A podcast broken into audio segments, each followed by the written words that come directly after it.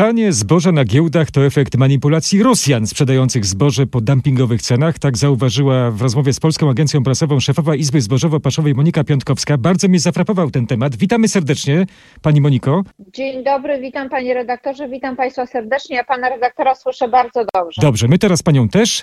Bardzo proszę wyjaśnić ten, ten fenomen. Jak to się dzieje, że, że te tanie zboże na giełdach to efekt rosyjski, a nie ukraiński? Panie redaktorze, yy Handel zbożem, ja o tym mówiłam wielokrotnie, handel zbożem jest tak naprawdę handlem globalnym w dzisiejszych czasach.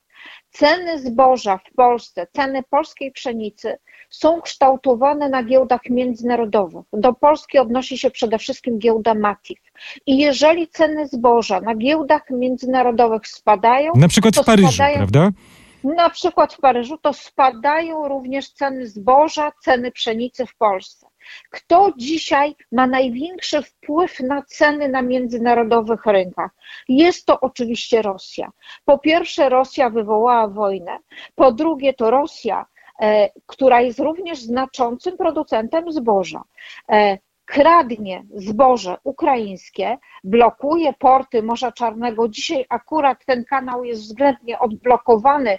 E, to zboże tam płynie drogą morską część dociera do portów docelowych, część gdzieś tam ginie, czyli jest zapewne kradziona przez Rosjan, ale przede wszystkim Rosja jest bardzo aktywna handlowo na rynkach międzynarodowych, sprzedaje swoje zboże rosyjskie, sprzedaje to zboże, e, które ukradła Ukrainie jako swoje zboże rosyjskie. Czyli to nie jest Tam tylko handel, to jest także rodzaj sabotażu, jak rozumiem, wojennego. To jest po prostu broń.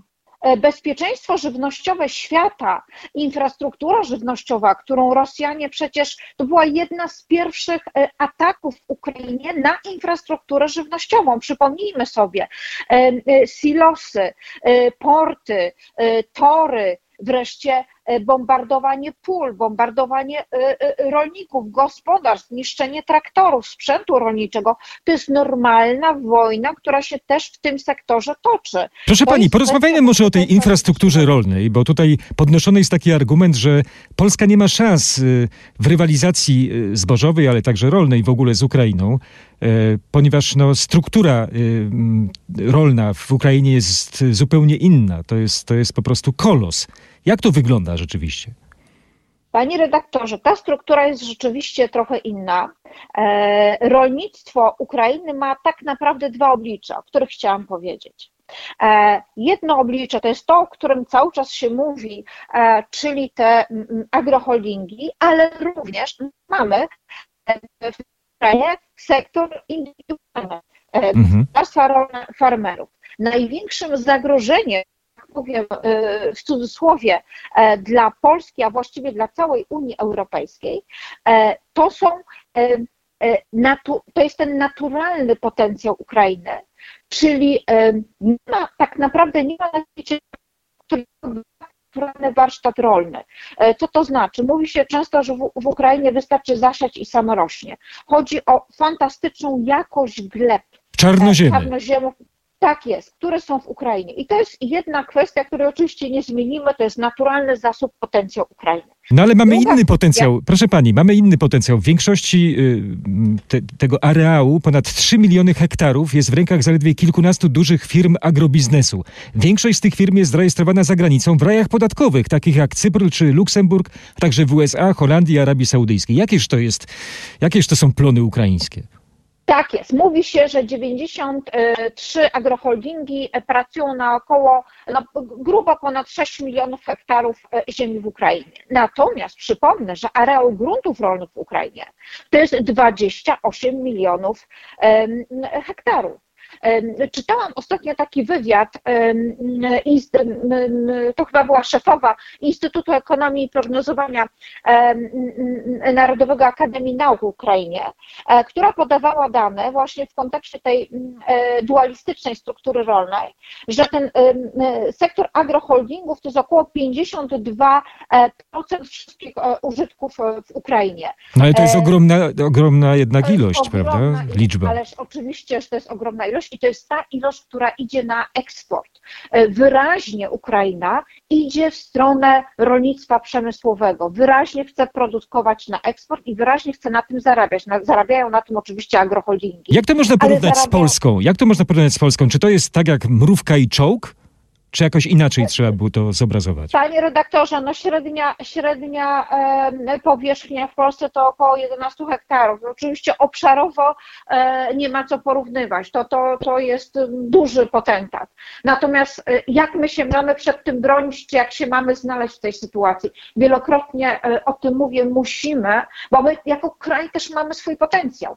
Musimy rozbudowywać przetwórstwo i musimy rozbudowywać infrastrukturę. Jesteśmy znaczącym producentem żywności w Unii Europejskiej. Jesteśmy już krajem eksportowym, to trzeba podkręcać e, i trzeba odbudować przetwórstwo, które lata temu zostało e, właściwie całkowicie zniszczone. Proszę Pani, e, mój, mój poranny... przepraszam, ja tylko zadam jedno pytanie. E, Mykoła Knarzycki, e, mój poranny gość, polityk i dziennikarz ukraiński, e, pytał, przecież u was też jest zagraniczny kapitał. Jak to jest w Polsce? Czy możemy się pod tym względem porównywać z Ukrainą? E, u nas też jest zagraniczny kapitał, ale nie możemy się porównywać z Ukrainą, dlatego że nie mamy takiego potencjału, jaki ma Ukraina. To jest bezsprzeczne i bezdyskusyjne. E, w handlu, między, w handlu zbożem, który jest handlem międzynarodowym, rzeczywiście mamy korporacje, mamy międzynarodowe, największe międzynarodowe firmy handlujące zbożem są w Polsce i bardzo dobrze, bo dzięki temu to zboże możemy wywozić w świat ponad 10 milionów ton, eksportujemy jako Polska E, każdego roku. Natomiast Natomiast nie mamy takiego zasobu naturalnego, nie mamy takich areałów, nie mamy takiej jakości gleb i jej nie będziemy. A e, mamy, a mamy Dlatego... obostrzenia unijne jeszcze dodatkowo, prawda? Więc tutaj tak ta jest. różnica się Dlatego... jeszcze bardziej powiększa. Zdecydowanie, dlatego ja cały czas mówię, że dla nas dzisiejsza sytuacja jest najgorsza.